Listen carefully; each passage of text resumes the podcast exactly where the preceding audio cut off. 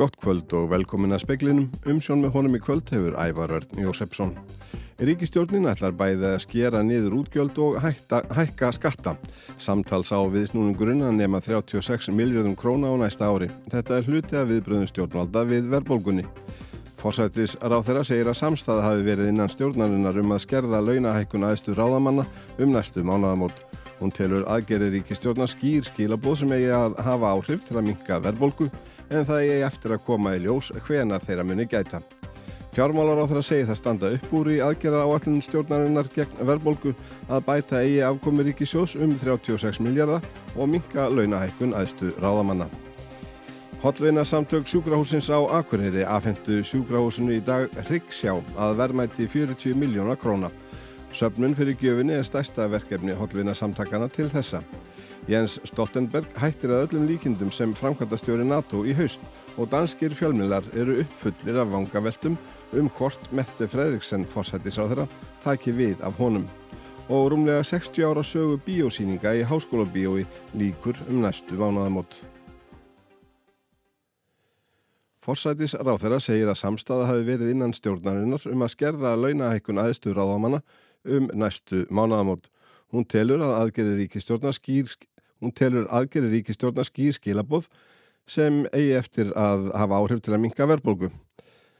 En ríkistjórnin ætla sér að spara 36 miljardar á næsta ári með því að draga ár útgjöldum og hækka skatta. Aðgerirnar voru kynntar í dag. Fram kemur í tilkynningu sem byrt var á vefstjórnarásins að með þessu sé ætlað að stiðja við aðgerið Sælabankans og sérstaklega taka utanum hópa sem eru hvað viðkamastir fyrir áhrifum verðbólgu og vakstahækana. Stoppframlegum verða tvöföldu til uppbyggingar leigu íbúða og reykitustuða stopnum þjóðasjóðs. Þá verða laun kjörina fulltrú á æðstur ráðamanna ekki hækkuð um 6% eins og tilstóð heldur um 2,5%. Framkvæmdum fyrir að minnstakosti 3,5 miljardar króna verður fresta tímabundi til að draga úr þenslu. Þar má nefna nýbyggingu stjórnaránsins og samhæfingamestu viðbrasaðila. Til að verja kaupmátt öðrorku og ellilíferistega verður lífverir almannatrygginga hækkaður um 2,5% frá miðju ári til viðbútar við þá hækkun sem var í byrjun ás. Að auki verður frítekjumark húsnæðisbóta hækkaður um 2,5% fyrir yfirstandandi ár, afturvirt frá 1. janúar. Í tilkynningunni segir einnig að unnið síðan lagabreitingum sem bæti réttarstöðu leyinda á húsnæðismarkaði. Þá verða kannaðar breytingar á lagaumhverju heimagistingar til að jafna samkvæmnistöðu og draga úr þrýstingi á húsnæðismarkaði. Ari Pál Karlsson tók saman. Katrín Jakobsdóttir fórsætti sá þeirra segir að samstaða hafi verið í ríkistjórnum að skerða launahækkun aðstöður áðamanna Um næstu mánaðamót hún telur aðgerir ríkistjórna skýr skílabóð sem eigi að hafa áhrif til að minka verðbólgu en það eigi eftir að koma í ljós hvenar þeirra muni gæta. Ég tel að þetta sendi bara mjög skýr skílabóð. Uh, auðvitað tel ég að fjármála állin eins og hún liggur fyrir þinginu séu skílabóð og það er verið að skerpa á þeim skílabóðum og verið að taka tillit til þeirra sem hafa verið að veita umsagnir en þetta eru mjög skýr skilabóð sem eiga uh, svo sannarlega verða til að styðja við það markmið að slá niður verbulguna. Hvenar það mun hafa áhrif, það verður að koma í ljós, en þannig eru þetta aðgjör sem vantilega mun taka gildi mjög bráðlega og það er okkar ákvörðunum að leggja til minni launahækkun og launaðistu ennbætsmanna. Þannig að hún verður 2,5% sem er í takti við verbulgumarkmið Sælabankans en ekki 6% eins og laugin gerir ráð fyrir. Sæði Katrín Jakobsdóttir og fjármálar á það segir aðgerðnar sem ríkistjónin kynnti í dag bæði gagnast til að spórna við verbolgu og til að aðstofa fólk sem er í erfiðri stöðum. Bjarni Benediktsson fjármálar á þeirra segir að enni eftir að útfara nýju miljardar niðurskurð og sparnað hjá hennu ofinbera á næsta ári. Annað liggi ljóst fyrir, svo sem fyrirhugaðar skættahækkanir. Þá erum við að vísa til þess í fyrsta lægi að við erum að bóða 1% viðbótar tekjuskatt á lögæðala á næsta ári Jáframt stendur til að draga úr endurgreislum vegna endurbóta á húsnæði og nýbygginga. Við erum sömulegis með áformum að auka skatlækningu í ferðartjónustu sem að byrstist meðal annars á nýri tegund álækninga á skemmtiferðarskip hver sem að getur áfyrir því að gistináttargjaldi getur komið aftur til sögunar. Varaflugvallagjaldið hefur sömulegis verið kynnt. Þannig að það eru svona ímis mál sem að kannski helst tengjast ferðartjónustunni. Einni verður komið til móts við leyendur og fólk sem far greitt úr almanna tryggingakerfinu. Svo erum við að hækka núna um mitt þetta ár bætur almanntrygging 2,5% og hækka sömuleiðis eh, skerðingamörkin í húsnæðisbótakerfinu. Þannig að við erum að gera mikið til þess að verja stöðu þeirra sem eru neðst í tekjustíganum og tölurna sem við erum með frá álækningunum fyrir 2022 sína að það er hafa skilað árangrið þessar aðgerðið til þessa og munu halda áfram að gera það. Lagt verður fram frumvarp á alþingjum að dreyð verður launahækkunum aðstu ráðamanna. Launahækkaninnar verða þannig 2,5% í stað 6% af um næstu mánamót. Ísak Regal tók saman. Rætt verður við Fimbjörna Hermansson, forsetta Alþjóðsambans Íslands um þessar aðgerðir í speklinum eftir frettir. Og þá aðru borgaralön getur verið greitt út á Englandi í fyrsta sinn á næstunni. 30 manns í tveimur landslutum fá þá borgað 1600 punta á mánuði í tvö ár eða tæpar 280.000 íslenskar krónur. Þetta er tilraunaverkefni þar sem fylst verði með hvernig fólk aðlagast. Hópur rannsakanda á vegum hugveitunar Autonomy vinnur að því að fjármagna verkefnið. Þeir sem taka þátt búa í norður Lundunum og í bænum Jarrow á norðaustur Englandi.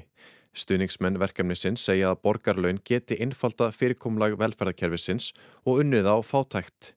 Bill Strong sem leiðir rannsóknina segir að tilgangur borgarlauna sé að sjá fólki fyrir lífsnöðsinjum. Rannsóknin gangi út á að skoða hvernig þau hafi áhrif á andlega og líkamlega hilsu launþega og hvort er ákveði að vinna eða ekki. Með tilkomu fjórðu tæknibildingarinnar og gerfigreindar fórita hefur því verið haldið fram að greiðsla borgarlauna verði nöðsleg í framtíðinni. Strong segir að samfélagi þurfa innleiða borgarlaun með einum eða öðrum hætti á næstu árum. Framgangur, tækni og lofslagsbreytinga krefist þess. Þess vegna sé núna mikilvægt að undirbúa jarðeginn til innleiðingar á landsvísu. Í Wales hafa yfir 500 manns fengi borgarlaun frá því júli í fyrra.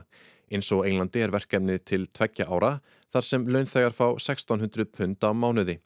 Verkefni var sett á fót til að undirbúa ungd fólk fyrir lífið að sögn Marks Dreikford fyrsta ráþeira Wales. Það var Ísak Reykjál sem tók saman. Hollvinna samtök sjúkrahúsins á Akureyri afhendu sjúkrahúsin í dag Rikksjá að verma til 40 miljónar króna. Söfnun fyrir gjöfunni er stærsta verkefni Hollvinna samtakana til þessa. Hollvinarsamtök SAK fagnar tíu ára afmæli á þessu ári. Þau hafa á þessum áratug sapnað fyrir og gefið sjúkrahúsun á Akureyri fjöldatækja. Svo nefnt Hryggsjá, eins konar leðsugurtæki fyrir stórar aðgerir á Hryggshúlunni, var formlega afhend í dag. Tæki var tekið nótkun fyrir nokkru síðan. Tæki kostar um 40 miljónir króna og er stærsta einstakka verkefni sem að Hollvinarsamtökin hafa ráðist í til þessa.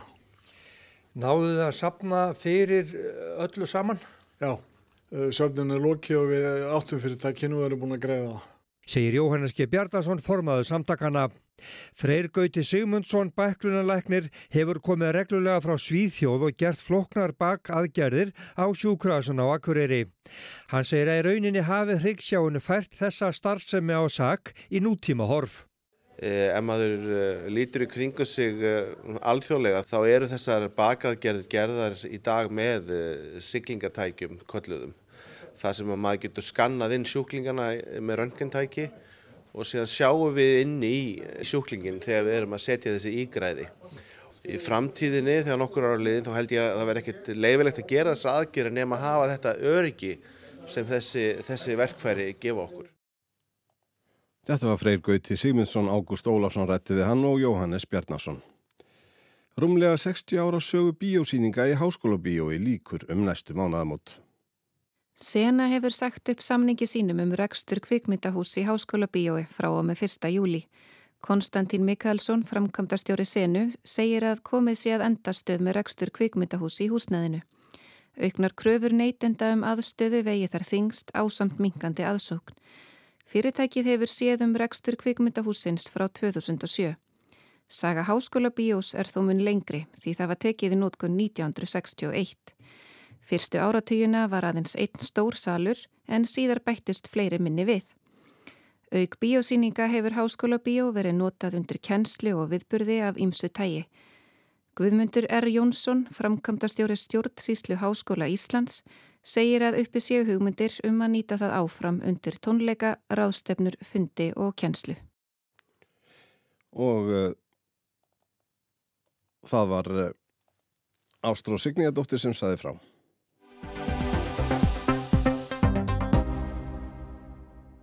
Ríkistjórn Katrína Jakobsdóttur kynnti fyrir stundu aðgerði sem ætlað er að slá á verðbólguna sem er 9,5% og hefur verið um og yfir 9% í að verða heilt ár og yfir 5% frá því í desember 2021.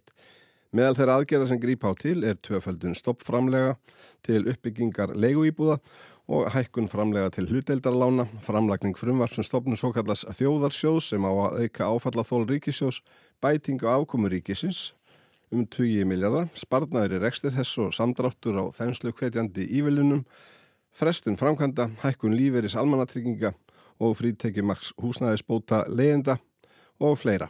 Finnbjörn A. Hermansson, fórseti ASI, er hérna hjá mér. Finnbjörn, hvernig horfur þetta við þér? Telur þú þetta líklegt til að skila til allir um árangri? Eh, það sem við fögnum náttúrulega mest í þessu, það er eh, töföldun á uh, legu íbúðum eða stoppframlögun til legu íbúða Eh, það kemur til með að, að eh, falla mjög vel inn í markaðin eins og hann er núna. Það er bara veruleg vöndun á íbúðum. Uh, annað sem að ríkistjóðnir er að gera, það er margt á því hefur hún bóðað áður og gerði það í, í fjárlögunum núna. Ég fagna því þó að þau skulle vera að taka þetta út fyrir svega og að hérna, þau séu að leggja áherslu á það að þetta veri það sem veri gert. Því að uh, þetta slæðir vonandi á svona væntingar varðandi verðbólgu. Uh, þannig að hérna, þetta svona á að geta spila saman. En, en fyrst og síðast þá eru það, það hérna, þessi stoppframlög sem við fagnum í þessum aðgerðum þeirra. En á móti þeim kemur það ekki þetta markmiðum að draga úr endurgriðslu til húsbygginga sem að... Jú, það er sko... Nú, nú var að koma skýrslaðið já frá, frá samtökum yðnarins þar sem þeir einmitt hveta til þess að þetta verði ekki gert því að það munir þá draga úr húsbyggingum. Já, þetta er sko ekki réttu tímapunktu til að gera það núna. Ef, að, ef þá að fara að draga úr þessu þá ætti það að gerast á einhverjum öðrum tíma og ekki þegar svona mikil vöndun er á uh, íbúðamarkaðinum vegna þess að e, þetta mun skila sér inn í verðið og þá mun þetta sjálfsögðu bara lenda á íbúðar kaupendum. Þannig að tímasetningin er mjög röng hvað þetta varðar. Og ef að þá haldaðust í streitu að þá e, hefur það verið skoðun alþjóðsambansins að e, þessar íbúðir sem er verið að bóða hérna og eru sagt, leigu íbúðir til e, þeirra sem eru með hérna, minnstatekjurnar að þær verði látnar uh, njóta af avans og þetta verði ekki sett á þær íbúðir. Það á að uh, hækka þarna um 2,5% uh, húsalegu bætur og hvað var nú aftur hitt sem átt að hækka hér. Lífið er almanantrygginga hækkaðan um 2,5% frá miði ári, frítekimark húsnæðisbóta hækkaðan um 2,5% fyrir yfirstandandi ár. Er þetta nóg? Sko þetta heldur ekki í við verðbólgauðinu sinni. Eh, þannig að, þetta er náttúrulega, þetta er í rétta átt en það mætti mjög gætna gera betur og síðan þegar þeir eru að tala um að eh, þeir séu að endurskoða eitt og annað í, hérna, í fjármálakerfinu að þá höfum við verið með, með hérna, ákallum það að uh, vakstabætur og lauginu vakstabætur verði uh, skoðaðar þannig að þetta gagnist fólki sem að, sem að hérna, virkilega þarf á því að halda e, það vantar og það vantar líka e, barnabóta e, kerfið sem sagt að, að, að það hefði verið mun betra að það hefði verið sett meiri peningur í það heldur en, heldur en hérna, gerstir með þessu.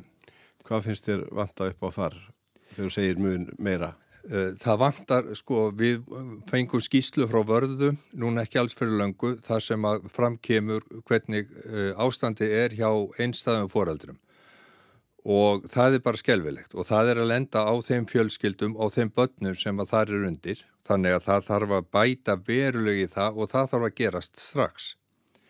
Þannig, þannig að það vantar bara töluvert mikið pening í barnabætur yfir höfuð. Þú segir að mikið af þess að hafi komið fram í fjármála, í, í, í sagt fjárlögum og fjármála áallun. Hvað er helst nýtt í þessu sem þú sérð? Sko, fyrir utan þessar, þessar fjölgun á, á íbúðum og, hlut, og aukningu í hluteldalán?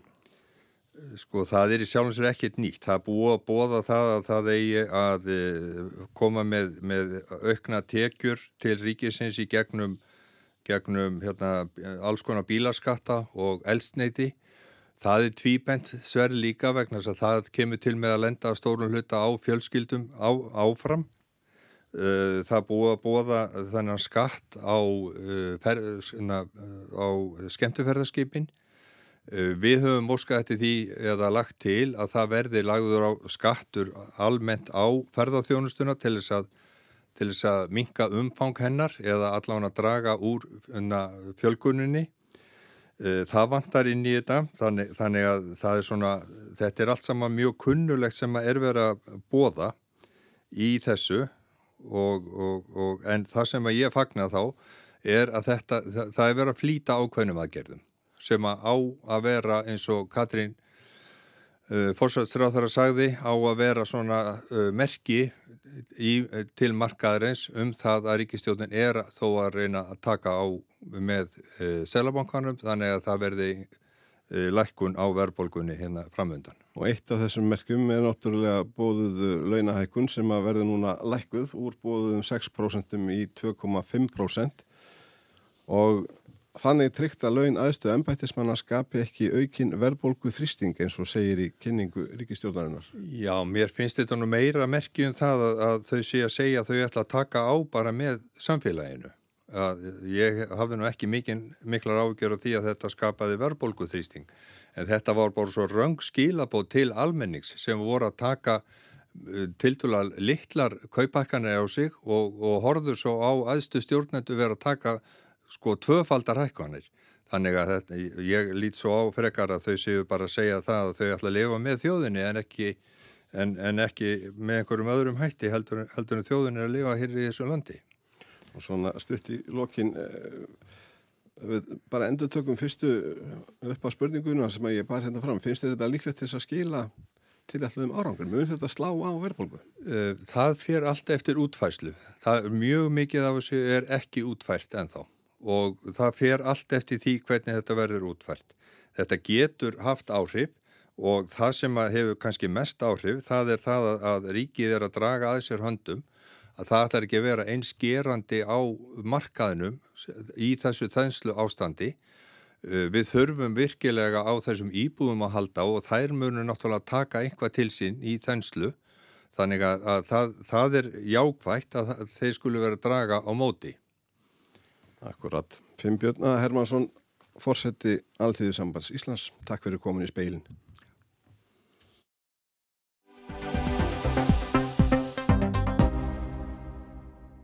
Danskir fjölmiðlar eru þessa dagana uppfullir af vangaveltum um hvort Mette Fredriksen fórsættis ráð þeirra verði næsti framkvamdastjóri NATO. Starftíma Jens Stoltenbergs eh, frangvandastjóra frá 2014 líkur að öllum líkindum í lok september eftir að hafa verið framlengdur þrísvarsinnum. Nokkrir þjóðarleituar hafa meldt með því að hún fái stöðuna. Þeirra á meðal er Jónas Garstöri, forsætis ráþara Noregs. Hann hvaðst í viðtalið við danska TV2 eiga auðvelt með að lýsa mannkostum Mette Fredriksen. Hún var í hæfur og reyndur forsætis ráþara sem hann mæti mikils. Eh, og som jeg tror har stor respekt i Europa for det eh, arbeidet hun har gjort som statsminister, og den eh, personligheten hun også er i det internasjonale samarbeidet.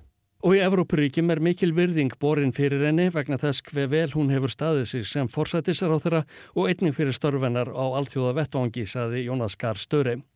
Gítarnas náfseta forseti Litáens var sama sinnis þegar dönsku sjónvarpsmennirnir leituðu álits hans. I think it would be a very serious candidate to become Secretary General of NATO. But of course, the decision will be done a little bit later. Now there are a lot of candidates, many candidates. Ég tel að hann komi vel til greina sem næsti framkvæmdastjóri NATO. Ákvörðunin verður ekki tekinn fyrir en síðar og það koma margir til greina, saði ná seta þegar rætt var við hann á óformlegum leðtúafundi hins pólitíska bandalags Evrópuríkja European Political Community eða EPC í Moldófu í byrjun mánadarins. Þar var einni Alexander de Croo, forsætis ráþara Belgíu. Hann hvað Mette Fredriksen kostum góðum búna og samstarf þeirra á liðnum árum hafi verið afar gott. Mette has a lot of qualities, but I would imagine if she would uh, go away from the function she currently has, it would be a loss for Denmark. Ef hún ákveður að skipta um starfsvettvang verður það mikil missir fyrir Danmörku, sagði Alexander de Croo. Hann færðist undan við að svara hvort hann greitinni atkvæði ef hún gefur kost á sér en ítrekkaði að hann teldi að hún ætti fullt erindi í ennbættið. Mette Fredriksson er stört í bandaríkjónum og heitir Joe Biden fórsetaða máli í kvítahúsinu síðar í dag. Í viðtali við Danska ríkisútvarpið DR vild hún engu um það svara hvort framkvæmdastjóra staða NATO kemið þar til umræðu. Spurningunni um hvort hún teldi að Joe Biden teldi að hún ætti góða möguleika á starfinu svarað hún. Jeg kommer ikke til at gå ind i, i de spekulationer. Jeg vil gerne gentage, hvad jeg har sagt før om, øh, hvor glad jeg er for at være statsminister i Danmark. Ég ætla ekki að vera með neinar vanga veldur um það, vil bara endur taka það sem ég hef áður sagt að ég er ánægð með að vera forsættisar á þeirra Danmerkur, sagði Mette. Í viðtalinu tókum fram að hún væri afar ánægð með Joe Biden í forsættaembættinu Vestanhafs. Hún hvaðan standa sig frábærilega á alþjóðavettvangi, ekki síst vegna stuðningshans við ukrænumenn í raunum þeirra vegna innrásar rúsa. Einnig hvaðst hún fagna því að forsætti bandaríkjana væri á nýfarin að taka þátt í baróttunni gegn loftmengun í heiminum. Þá saðist hún alltaf tjá fórsetanum að Danir stæðu heils hugar að samstarfi þjóðabekja vegna Allandsafs. Það væri bandaríkjamannum að miklu leiti að þakka að friður, frelsi og líðræði ríkti að mestu leiti í Evrópu. Á fréttavef BT í dag er farið yfir hverjir koma helst til greina sem næsti framkvæmdastjóri NATO ef Mette Fredriksson gefur ekki kost á sér. Fyrstur er nefndur Ben Wallis, varnarmálar á þeirra Breitlands. Jókim B. Olsen, fréttaskýrandi BT, segir að öfugt við Mette hafi hann sínt áhuga á starfinu. Hann sé þrautrendur ráþæra og fyrirverandi herrmaður en hans helsti ókostur sé að hann hefur aldrei gengt ennbætti þjóðarleðtoga. Olsen hefur eftir Petur Viggo Jakobsen, lektor við Varnarmála Akademíuna, að brettar og bandaríkjaman hafi jafnan átt í nánu stamstarfi og að brettar hafi öflugan herr. Það stiðji við að Ben Wallace fái starfið.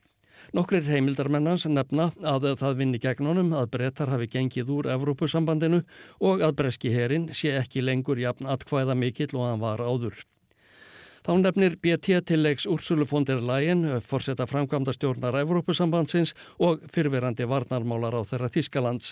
Jókim B. Olsen segir að hún hafi flesta kosti sem prítt geti framkvæmda stjóra NATO. Að vísu sé starfstími hennar hjá ESB ekki á enda en til greina komi að byggja Jens Stoltenberg að setja áfram þar til hún getur tekið við. Framkemur í fréttaskýringu BT að fjölmiðlar við svegurum heim hafi marg oft bent á Mark Rutte, fórsetis þeirra Hollands sem artaka Stoltenbergs. Hollendingar eru sagðir vera í nánum tengslum við bandaríkjaman og að Rutte og Metti Fredriksen kunnið að vera góð málamiðlun þegar kemur að valinu, þar sem leðtógar í söður og austur Evrópu geti felt sig við þau. Þá er það sagt vinna með Rutte að hans sé ekki Norðurlanda búi. Engverir kunni að líta svo á að þeir séu búinir með kvótansinn í byli eftir að Danin Anders Fogh Rasmussen og norðmaðurinn Jens Stoltenberg hafa verið við stjórnmölinn hjá bandalæginu samtals 14 ári röð. Kaja Kallas, forsetis ráþæra Íslands, hefur einnig verið nefnd sem álitlegur kostur sem framkvæmda stjóri NATO. Aftur eftir Jakob Korsbo, sérfræðingi hjá hugveitinu Órópa, að hún komi vel til greina. Tími sé komið til að kona stýri bandalæginu, hún sé þjóðarleitói, hún sé einörð í stöðningi sínum við Úkrænu í stríðinu við rússa og þá hafi Östur-Európu þjóðir aldrei átt framkvæmda stjóra bandalægsins. Loks nefnir BT nokkra aðra til leiks. Klaus Jóhannes, forsetta Rúmeníu og Pedro Sánchez, forsetis ráþara Spánar. Jáframt þykja Sanna Marín, fyrirverandi forsætis ráþara Finnlands og Kristja Fríland var að forsætis ráþara Kanada einnig koma til greina. Áskei Tómasson tók saman.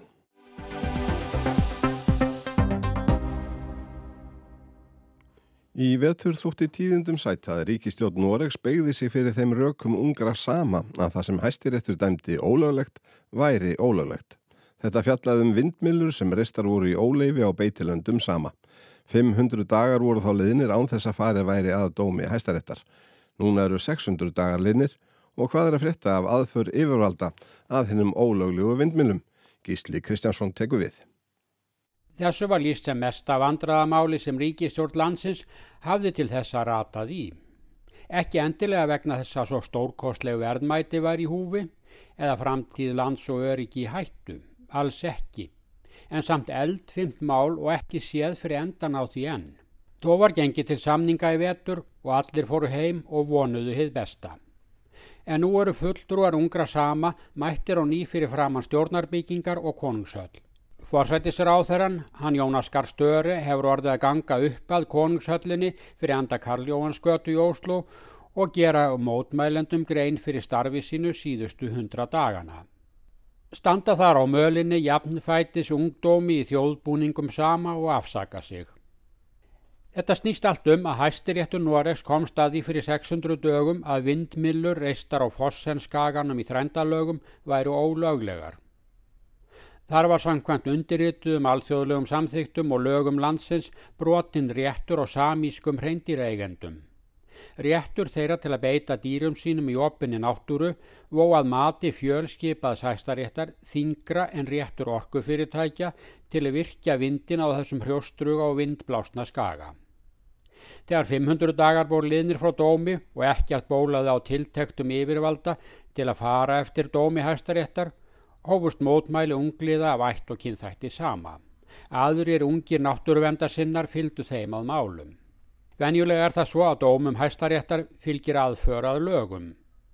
Af hverju eru ólöglegar vindmillur ekki feldar með laurugluvaldi ef eigandur þeirran vilja ekki gera það sjálfur? Norski orkur á þeirra hann sæðist verið að vinna í málinu en mótmælandur sögðu hann ljúa því, söguðu hann um hróka og að tala nýður til fólk sem reytaði réttar síns og vildi virðingu fyrir dómum hæstaréttar.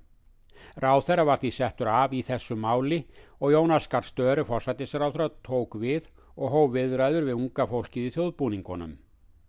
Jónas er afskaplega viðræðu góður maður, kurtis og sangjart að mati bæði fylgjanda og anstæðinga sinna. Hann rætti við fólkið, viðurkendi rauk þess og lofaði að láta nú bírókrata landsins taka til hendinni og ná sáttum um hennar umdeldu vindmillur. En ekkert hefur gerst nú í hundra daga. Vetrarmánuðinni liðnir og komir langt fram yfir sumarmál en vindmillurnar umdeldu snúa sem fyrr og ræða burt reyndir og beitt. 500 dagarnir liðu þegar í februar og núna eru 100 dagaliðni til viðbótar og ekkert sínilegt hefur gæst. Hæstiréttur sagði sem sagt sitt síðasta orð fyrir 600 dögum og ekkert bólar enn á aðföra af lögum í baráttunni við vindmilurnar. Jónas Fossættisráþra segir að unnið sé að laust sem að öllum líkindum felur í sér fjebætur fyrir tapaða beit. En er það nóg ef málið snýst um viðurkenningu á réttindum sama til að stunda sinn reyndirabúskap samkvæmt aldagamalli hefð? Bentir á að með dómi hæstaréttar séu afskaplega litlir hagsmunir teknir fram yfir mikla hagsmun í orkuvinnslu. En hæstaréttur er ekki ráðgjafa skrifstofa í orkumálum. Hæstaréttur dæmir eftir lögunum, með nýðustöðu hæstaréttar sést hvað eru lög í landinu og þetta var fjölskipaður hæstaréttur. Ennum leið og dagarni líða og þeir eru nú orðnir 600 ekst andstaða landsmanna almennt við vindmilur. Þær þykja ljótar og háaðasamar og landsbjörn fylgja því að beina þessum spöðum til hímins. Því er nú unnið að vindorku verum til hafs, það er langt langt í burtu. En þá tekur annað vandamál við. Orka frá vindi úti við sjóndeldarhing er afskaplega dýr. Það þarf orkukreppu með tíföldu verði á rafmagni til að láta þær borga sig. Ríkistjórnin bóðar miljarda í styrki til að fá orkufyrirtækin til að flytja millur sínar út á sjó. Forsættisráþrannum norska mætir því ennýr vandi hver á að borga fyrir allan þannan vind sem hinga til hefur blásið öllum að kostnaðalösu. Og þetta var Gísli Kristjársson. Veðurhorfur næsta sólarhengin, það er útlýttir í vestlæga eða breytilega átt viða 5-10 metra á sekundu. Það verður skíjaða mestu á vestanverðurlandinu og sem staða lítilsáttar væta með hýta frá 6 að 11 stigum á vestan og norðanverðurlandinu.